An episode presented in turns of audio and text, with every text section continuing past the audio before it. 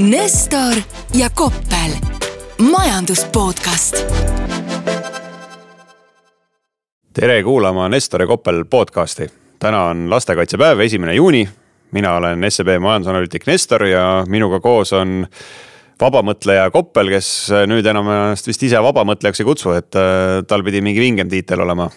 jah, Koppel on Redgate Wealthy investeeringute valdkonna juht see on muuseas nagu selgelt ka näha, et äh, mees, kes ennem tuli podcast'i Adi Pusaga, on järsku endale valge triiksärgi ja, ja ülikonna selga ajanud, samal ajal kui mina siin pusas istun. aga no hea küll, et äh, amet kohustab äh, nii ta tõepoolest on, et pean ütlema õige koha peal palun ja tänan laskma lõhna peale ja kammima juuksed korralikult ära. muutunud mees, aga teemad on endiselt meil üsna samad ja tavalised, et täna on plaanis rääkida Eesti majanduslangusest, mis meil siis äh, just äsja avaldati, äh, skp statistika. samuti sellest, mis on siis Hiinas toimumas ja, ja natuke ka sellest, et äh, mida siis teevad jällegi aktsiaturud, eriti siis selle suure artificial intelligence esiletõusu valguses aga alustaks võib-olla sellest Eesti skp numbrist. noh, see nüüd eh, suur üllatus ei olnud, et eh, Eesti majandus siis selle aasta esimeses kvartalis langes. viimaste numbrite kohaselt oli see majanduslangus siis miinus kolm koma kaks protsenti, et varasema kiirhinnangu kohaselt oli see isegi suurem, et miinus neli protsenti kui ma vaatan kõiki neid muid majandusnäitajaid, mis selle esimese kvartali kohta tulevad, et tõepoolest, et noh, üllatust ei olnud, et meil oli tööstuses suur langus, jaekaubanduses suur langus aga samal ajal on ju, et kuna inflatsioon on endiselt veel kiire, siis äh, tegelikult siis euroduse mõõdetuna jooksevhindades äh, majandus üheksa protsendi võrra kasvas. jah, see on äh, tõepoolest natukene selline huvitav olukord, kus noh, mulle meeldib vaadata aeg-ajalt äh, Aktuaalset kaamerat, lõppude lõpuks juba nii-öelda küpses vanuses inimene ka ja. ja eelmisel aastal oli hästi huvitav see, et oli siis äh, teatud majanduse mm, suhtes arvajad. ja need teatud majanduse suhtes arvajad kasutasid kohutavalt palju sellist väljendit nagu üllatus ja üllatuslik ja eriti loomulikult inflatsiooninumbri koha pealt. ja seekord siis needsamad, kes siis tõepoolest seda sõna hästi palju kasutasid, seda sõna ei kasutanud. ja üldiselt kippus olema see meeleolu selline, et noh, nii, niikaua kui tööturg äh, püsib äh, enam-vähem okei okay,. nii kaua ei ole meil häda midagi ja ega selle, ega see langus nüüd nii hull ei ole ka. aga nüüd ongi äh, tegelikult mul võib-olla sulle küsimus, et kuidas selle tööturuga on, sellepärast et üldiselt, kui ma mõtlen sellele meeleolule, mis võib-olla arenenud maailmas laiemalt paistab.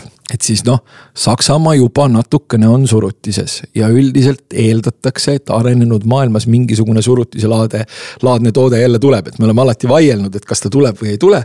nüüd on jälle, et tuleb ja kui seni on olnud selline tavalise inimese peamine mure, et kõik on kallis ja läheb kogu aeg kallimaks ja on arusaamatu, kui kalliks ta läheb, et enam väljas süüa ei saa ja taksoga ei sõit, sõita ei, ei maksa see mure võib-olla läheb teisele kohale, et esimesele kohale tõuseb mure selle, sellest, et kas töökoht jääb alles. kuidas Eestis sellega lood on, kas inimesed peavad hakkama muretsema selle pärast, et töökoht äh, jääks alles? sest noh, Ameerikas, Saksamaal, seal nad ikkagi nagu natukene juba muretsevad selle pärast eks inimesed ikka natuke muretsevad, aga noh, teisalt jällegi, kui ma vaatan neid olemasolevaid numbreid Eesti tööturu kohta, et noh, meil siin tuli ka esimese kvartali statistika värskelt välja meil oli tööl käivaid inimesi Eestis äh, praktiliselt seitsesada tuhat inimest. et noh, taas ajaloo kõige suurem number ja hea küll, et meil on ukrainlased siin natuke aidanud seda numbrit tõsta. aga ka protsentuaalselt, et kui me võtame siis inimesed vanuses viisteist kuni seitsekümmend neli, et tüüpilised tööinimesed on ju viieteist ja seitsme, seitsmekümne nelja aastased siis äh, neist igatahes selles äh, vanusevahemikku jäävast seltskonnast täna seitsekümmend protsenti on tööga hõivatud ja noh, see on selline absoluutne tippnumber, et Äh, ei ole nagu teist riiki väga võtta, kus see tööhõive nii kõrge oleks. ja hea küll, eks see on nagu minevik, esimene kvartal, et meil täna on siin juba varsti hakkab teine lõppema. siis äh, kui vaadata nagu neid ettevaatavaid indikaatoreid, et mis siis ütlevad ettevõtted ise, et kas nad planeerivad töötajaid pigem juurde värvata või nende arvu vähendada siis tegelikult hetkel on ainus sektor, kus äh, kavandatakse nagu töötajate arvu vähendamist, on töötlev tööstus. mis äh, jällegi noh, arvestades seda, et meil justkui oleks siis juba kaks kvartalit kestnud sügav majanduslangus, neli protsenti, kolm protsenti on ju skp langust tunduks nagu natuke imelik, aga eks ma arvan jah, seesama see põhjus, et see nominaalne majanduskasv on olnud äh, tegelikult ju ülikiire et kui sul päriselt nagu ettevõtte nagu nominaalne kasum on ju suureneb, siis noh, kas sa siis nagu tõttad äh, tegelikult inimesi kuhugi koondama, on ju, sellepärast et äh, tuli Aktuaalses Kaameras uudis, et skp kukkus kolm prossa jah, kuule, aga kuidas selle IKT sektoriga on, mul on nagu kõrvu jäänud, et sellel ei lähe nii hästi, kui võiks no ongi liiga hästi läinud äkki, et. no väga tükk aega läks tõesti väga hästi. et äh, jah, et nüüd äh, tõesti, et nüüd esimene kvartal on ju, et oli peamine Eesti majanduskasvu siis, kuidas öelda, pidurdaja, allavedaja, see sektor, aga teisalt on ju viimase viie aasta vältel on tegelikult olnud sellesse peamine panustaja. ja, ja noh, mõneti nagu sul ei saa nagu kogu aeg suurepäraselt minna, et seal peab mingisugune nagu kehvem hetk ka tulema aga noh, see on peamiselt äh, tulnud ju ettevõtete kasumite arvelt, et samamoodi, et noh, keegi seal IT-sektoris täna Eestis ikkagi tööd ju jagub, et äh, IT-valdkonnas töötaval inimesel ilmselt ei ole põhjust väga muretseda, et ta nagu tööta jääks, eks. no lehes kirjutas igal juhul, et äh, andmeanalüütiku pidi saama peaministri palga eest ja see võttis mul selgelt äh, kukalt sügama, minu meelest andmeanalüütikut peaministri palga eest küll ei saa. ja liiga, liiga odav selgelt, eks.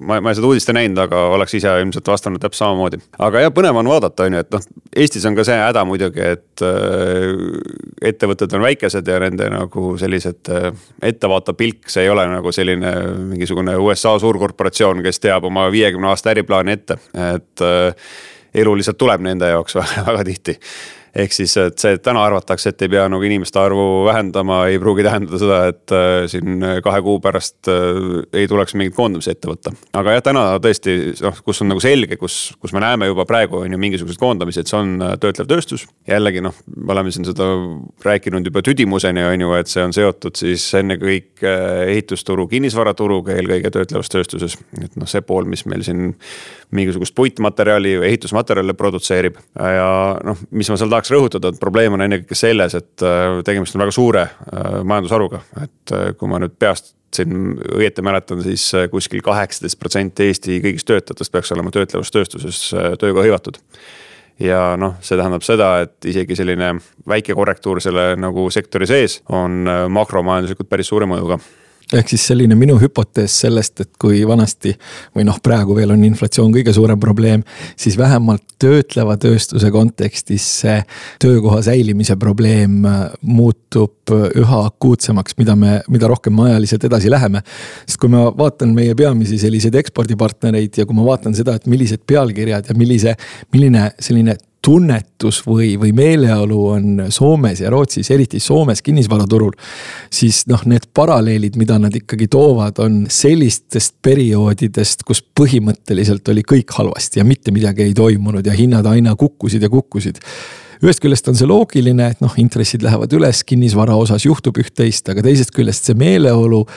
no ma arvan, et mina veel mõni, mõni aeg tagasi ei arvanud, et see neil nii hapuks võib minna jah, aga selle omaette nagu paradoks on ja mida ma arvan, millest saavad väga hästi aru ka nende Eesti töötleva tööstuse ettevõtete juhid ja omanikud, on see, et kui täna on seal selline must masendus ja niivõrd madal aktiivsus ehitusturul.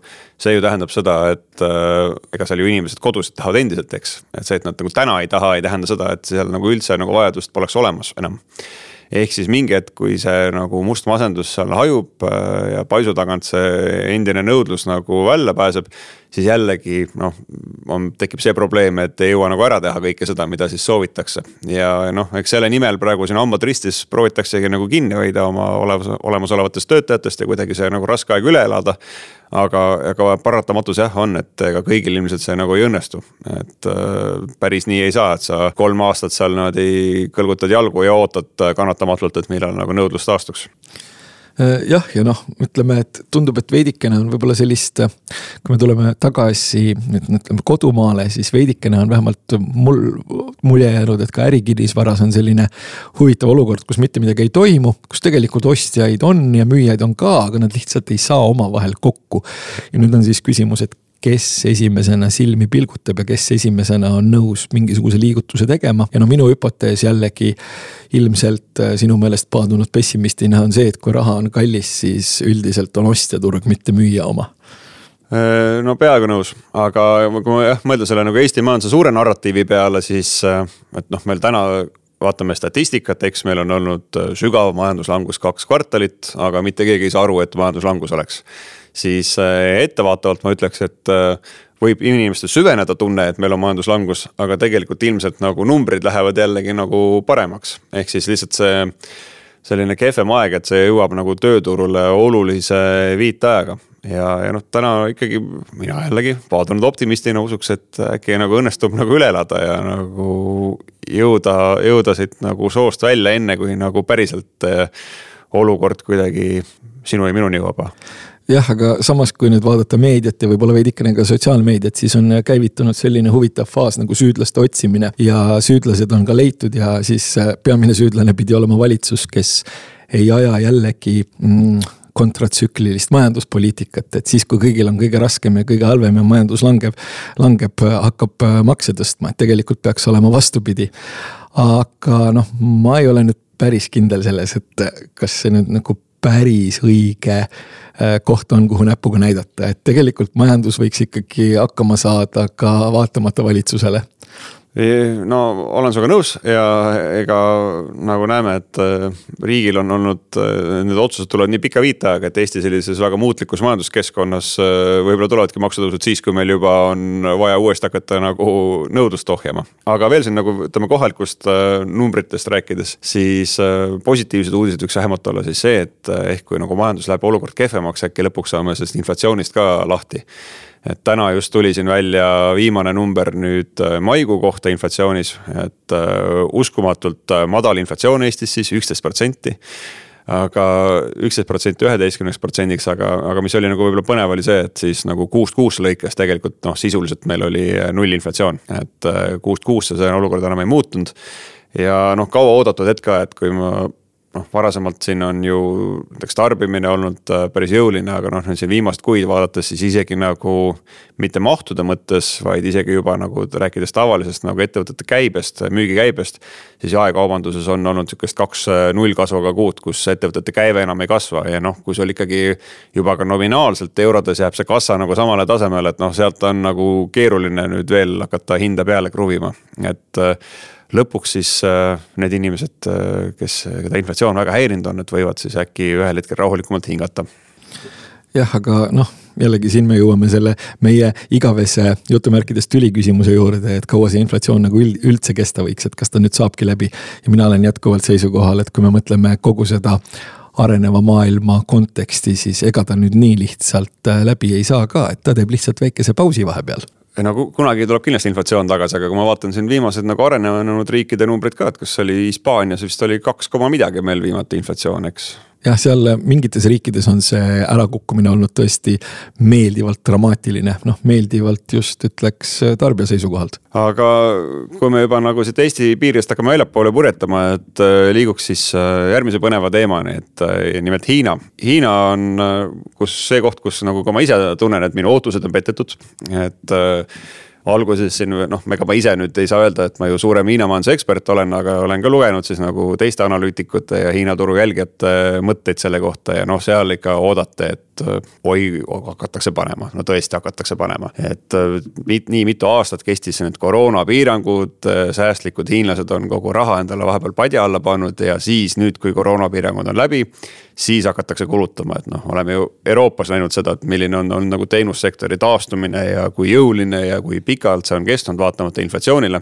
et usuti siis, et Hiinas see saab olema nagu veelgi, veelgi vingem, aga täna tundub, et korraks nagu start oli, aga kuidagi visises tühjaks jällegi see. no see vaata, ma rääkisin sulle üle-eelmises äh, meie toredas taskuhäälingus, et neil on sellised pikaajalised struktuursed probleemid, mis hakkavad äh, olema majanduskasvu küljes nagu sangpomm jala küljes. ja noh, praegu me saame küll rääkida sellest, et äh, võib-olla need probleemid on rohkem taktikalised ja mina ütleksin, et kohe, kui nii-öelda kasv veidikese pettumuse valmist-, veidike mingisuguse pettumuse valmistab, siis hiinlased hakkavad stimuleerima aga nad peavad olema ka, ka võib-olla oma stimulatsioonis suhteliselt ettevaatlikud, sellepärast et neil on tekkinud majandusse nagu märkimisväärne võlatase.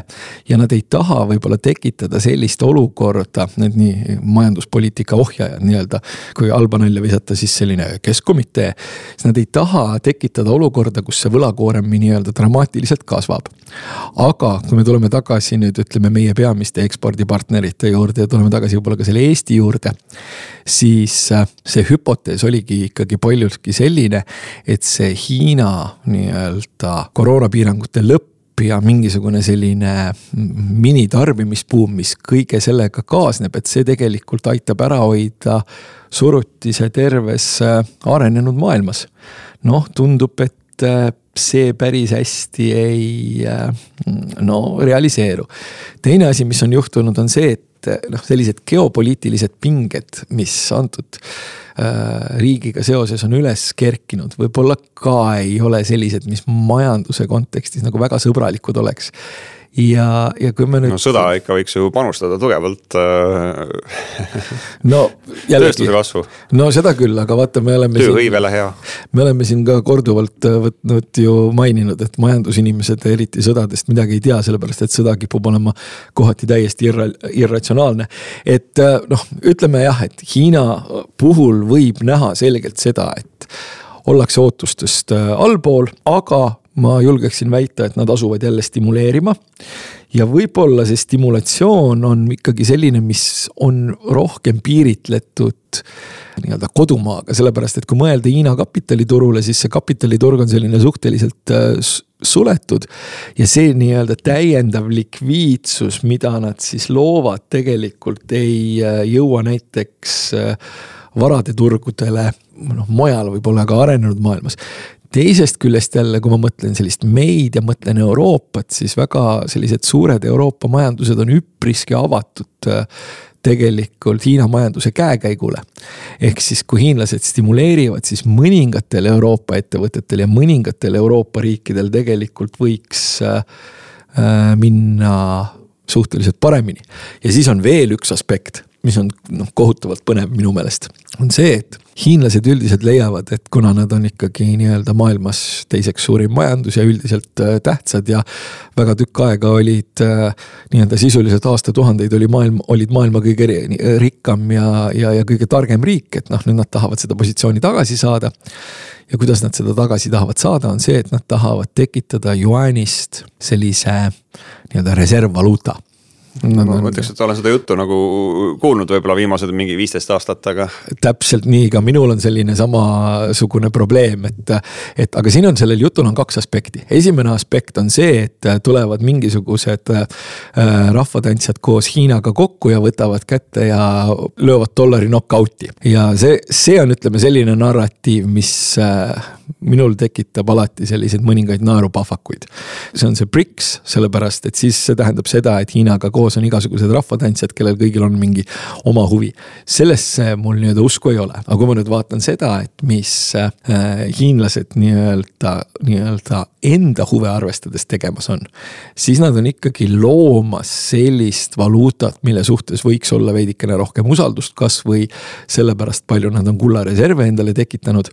ja sellel on veel üks erakordselt huvitav äh, nii-öelda tagajärg. Ja see tagajärg on see, et kui me mõtleme sellisele asjale nagu reservvaluuta, siis üldiselt äh, kui sa tahad nii-öelda globaalses majanduses opereerida ja, ja, ja trikitada ja eksportida, siis sul ei tohi kunagi olla reservvaluuta äh, suhtes oma valuuta liiga tugev, arusaadavatel põhjustel. nii, kui nüüd hiinlased leiavad, et juan võiks olla mingisugusel hetkel selline globaalselt aktsepteeritav reservvaluuta ja suhteliselt tugev siis tegelikult erinevad arenevad riigid võivad lasta oma valuutadel ka tugevneda nii-öelda juaani suhtes ja siis loomulikult ka, ka teiste suhtes. sellepärast, et see suhtelise tugevuse või see sellise, see konkurentsimoment ja see nii-öelda see suhtelise nõrkuse ja suhtelise tugevuse ja ekspordi enda positsioneerimise moment, et see jääb tegelikult paika. ehk siis suhteliselt tugev, uus ja huvitav äh, üks reservvaluuta ja arenevate riikide valuutad võivad nagu selles kontekstis äh, tugevneda. ja mis seal salata, ka nende positsioon seetõttu võib olla globaalses majanduses. ja mis seal salata, võib olla ka just nimelt noh, et mille suhtes siis need arenevate riikide valuutad võiksid tugevneda noh, seniste suurte oluliste reservvaluutade suhtes no,. päeva, päeva need äh, forex trading ideed tulid nüüd ära, aga ma tuleks korraks sinna tagasi veel selle Hiina majanduse stimuleerimise juurde, et äh, sellest räägitakse jah, päris palju. kui nagu vaadata, mis on need Hiina majanduse tänased probleemid seal on või kus siis see kasv väga kiire ei ole, et tegelikult ju noh, sisemajanduse koha pealt, et jah, et pole võib-olla nagu selline pidu ja pillerkaar nagu oodati, aga tegelikult noh, läheb väga hästi ikkagi, et noh, teenindussektoris endiselt äh, ostujuhid on äh, äärmiselt nagu optimistlikud ja, ja positiivsed. ja, ja selle koha pealt nagu võib-olla seda sisemajanduse nagu kasvatamist nii väga tarvis ei ole, aga kus pigem on see probleem, on siis äh, sama töötlev tööstus ja, ja oodati ehk, et siis äh, see suur nagu tarbimise buum tõmbab kaasa ka Hiina, Hiina tööstussektori, aga noh, tundub ikkagi, et ollakse niivõrd sõltuvad äh, ekspordist, et seda pole juhtunud. Ja, ja noh, need kohad, mis seal veel võib-olla nagu stimuleerimist vajaks, on siis see, et noh, see traditsiooniline Hiina nagu kinnisvarabuum et elamuehitus on siin vähenenud aastaga umbes viiendiku võrra. aga noh, ma ei ole nagu sügavalt veendunud, kas äh, Hiina kinnisvaraturg on nagu midagi sellist, mida tänane tänane juhtiv ladik seal sooviks äh, taaskord siis nagu üles pumpama asuda? mul on kuri kahtlus, et äh, noh, jällegi me ju siin proovime rääkida võimalikult ilusat eesti keelt, aga on selline tore ingliskeelne sõna nagu inventory. ehk siis võib-olla laoseis, ma kahtlustan, et seda sellist tühja kinnisvara ehk seda laoseisu on seal ikkagi nagu märkimisväärselt. et võib-olla natukene selli-, sellist nagu paralleeli jälle Eestiga tõmmata, et võib-olla sellist uusarenduse laoseisu on ikkagi nagu märkimisväärselt tekkinud jah, aga noh, kas sa tahad seda jah juurde tekitada selle nimel, et siis kuidagi majanduskasvu elavdada? ei ole vist väga mõtet aga selle koha pealt võib-olla läheks korraks nagu üle turgudele ja noh, kui sellesama Hiinaga alustada, et siis äh, vaatasin, et kui siin võrrelda erinevate aktsiaindeksite käekäiku võrreldes selle aasta algusega, siis tegelikult Hiina muuseas tundub olevat üks nagu suurimaid kaotajaid, et siin erinevad nagu Hiina indeksid on kuskil kakskümmend, kakskümmend viis protsenti aasta algusega võrreldes maas, et. noh, mul endal tekkis muidugi see küsimus, et tegelikult on ju nagu elu Hiinas põhimõtteliselt nagu paremaks läinud. aga kas siis selles peegeldubki selline nagu suur pettumus, et ootused olid veel kõrgemad või? No selles ilmselgelt nii-öelda peitub suur pettumus ja teine asi on see, et ikkagi, kui me mõtleme sellele nii-öelda näiteks sellisele suurele vala, varade allokeerimisele, siis äh, noh, igasuguseid riske on võimalik hinnata, välja arvatud geopoliitilisi ja neid ei ole võimalik hinnata eriti hästi. ja noh, mis seal salata, siis hakkad mõtlema, et ah, äkki ei, ei paigutaks raha sinna. teine asi on see, et äh, noh, ja igale poole ka geopoliitiliste riskidega koh kohtadesse võiks ju raha paigutada, kui äh, need sealt ostetavad varad oleks äh, midagi sellist, mida on võimalik tähistada sõnaga sigaodav no ei ole siga odavad ka, noh ja tekibki küsimus, et meil on seal kommunistid, kes alati valetavad, on ju, meil on seal mingisugused sellised geopoliitilised ambitsioonid ja pinged, mis, mida võib-olla varem sellises koguses ei olnud. ja meil on nii-öelda oodatust viletsam nagu makropilt, meil on nagu kõik sellised nii-öelda sellised jutupunktid, miks see turg ei ole nii-öelda kõige mõnusam ja parem koht, need on omadega paigas. ja, ja siis on veel üks asi, alati ju eksisteerib selline tore kontseptsioon nagu alternatiivkulu või see, et kui kuskil midagi jõuliselt toimub, siis mingisugused teised kohad jäävad A kas tähelepanuta või sealt võetakse lihtsalt raha välja selleks, et sebida nendes kohtades, kus midagi toimub. aga noh, kui rääkida siin kohtades, kus midagi toimub, on ju, et eh, SB viissada on meil siin ka, ma vaatasin kuskil miinus kümme, miinus viisteist protsa nagu aasta algusega võrreldes, noh, Euroopa oli enam-vähem flat, aga üks koht, kus siis midagi toimus tõesti on ja ma tean, et see sul nagu meelel siin pakitseb, on äh, see robootika ja artificial intelligence teema. et vaatasin, et sealsed nagu ETF-id olid siin aasta algusega võrreldes äh, hüpanud üles äh, kuskil kolmkümmend viis protsenti ja mõned individuaalsed aktsiad seal ilmselt on teinud nagu veelgi suurema ralli, ma neid ei ole nii täpselt vaadanud, aga. no ütleme nii, et seal on käimas korralik buum ja see korralik buum on selles mõttes huvitav, et äh, kui sa mõtled mingisugusele nii-öelda seitsmele kõige ägedamale aktsiale sealsamas SB viiesajas, siis need on aasta algusest nii-öelda läbilõikes äh, tulistanud äh, kuskil nelikümmend neli protsenti. ja kui sa võtad ülejäänud nelisada üheksakümmend kolm aktsiat, siis need on kuskil niimoodi ühe protsendi plussis, mis tähendab seda, et traditsioonilised majandussektorid võtavad tegelikult Äh, indikeerivad sulle, et äh, surutis on tulekul või on juba käes. ja tegelikult, mis on selle juures on huvitav, huvitav on see, et et see kangesti kipub meenutama sellist ütleme, kahe tuhandendate alguse tehnoloogiabuumi, kus põhimõtteliselt kartes millestki ilma jääda, osteti silmitult absoluutselt kõike. ja mul ei ole nagu selles mõttes mitte mingisugust kahtlust, et see, see tehisintellekti buum ei oleks nüüd selline, mis mingisuguses kontekstis eh, tootlikkust märkimisväärselt kasvatab. mul ei ole mitte mingisugust kahtlust selles suhtes, et väga paljud nende, need ettevõtted suudavad saavutada nagu väga palju aga kas siin ei teki just see nagu küsimus, et äh, tegemist on sellise winner takes it all äh, turuga, kus äh, mõne konkreetse ettevõtte toode tõesti lööbki läbi ja ülejäänud tegelased seal ümbruskonnas nagu ei jõua kuhugi väga välja. jah, aga vaata, aga ajalooliselt kipuvad sellised asjad olema natukene ajutised, sest kui me mõtleme sellele ja mõtleme oma varajasema nooruse peale, siis noh, tuletame. Orkut suri välja ja vaata. noh, aga mõtleme veel varasema nooruse peale, siis põhimõtteliselt Microsoft valitses maailma, siin ei olnud mitte mingisugust küsimust. nüüd äh, Microsoft äh, otseselt maailma ei valitse. aga kes väga... jaksab nii kaua oodata? no aga see ei läinudki tegelikult nii kaua aega, et Microsoft otseselt maailma ei valitse. aga ta valitseb küll ja ta on üks suurtest tegijatest, aga hoopis teistel aladel, kui siis äh,, siis kui ta nii-öelda otseselt maailma valitses. aga mis on siis minu probleem selle äh, nii-öelda ai buumiga, kui seda võib niimoodi. see võtab su töökoha ära, see on nagu noh, kindlasti see esimene probleem. ei, see ei ole minu probleem, ma arvan, et äh,, ma arvan, et ma saan veel päris tükk aega päris hästi hakkama. ja ma tunnistan, et ma tegelikult oma töös olen kasutanud ai abi viimasel ajal küll ja see abi on olnud päris tore. aga siin on üks aspekt üks aspekt on see, miks, mis mulle tuletab meelde, et mis, miks on kogemus väärtuslik. kogemus on väärtuslik sellepärast, et nagu ma ütlesin, see meenutab mulle kangesti äh, sihukest paarikümne aasta tagust olukorda, kus oli tehnoloogia mull. ja need äh, sellised suhtarvud, mis viitavad sellele, et, et kuskil on mingisugune asi on liiga kallis. see on nii-öelda selgelt spekulatiivsele ostupaanikale vihjav.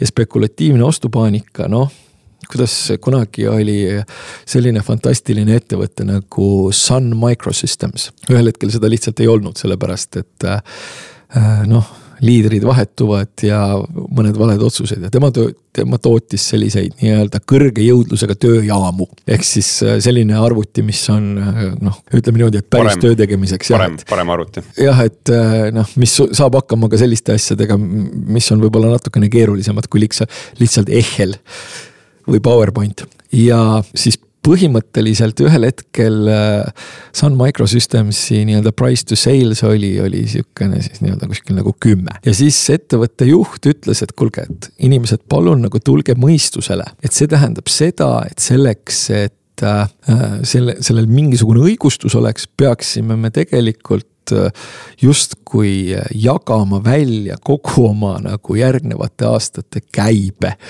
Äh, järgnevad kümme aastat, tegemata investeeringuid, maksmata makse, kõik, kõik, kõik, et, et see ei ole nagu loogiline.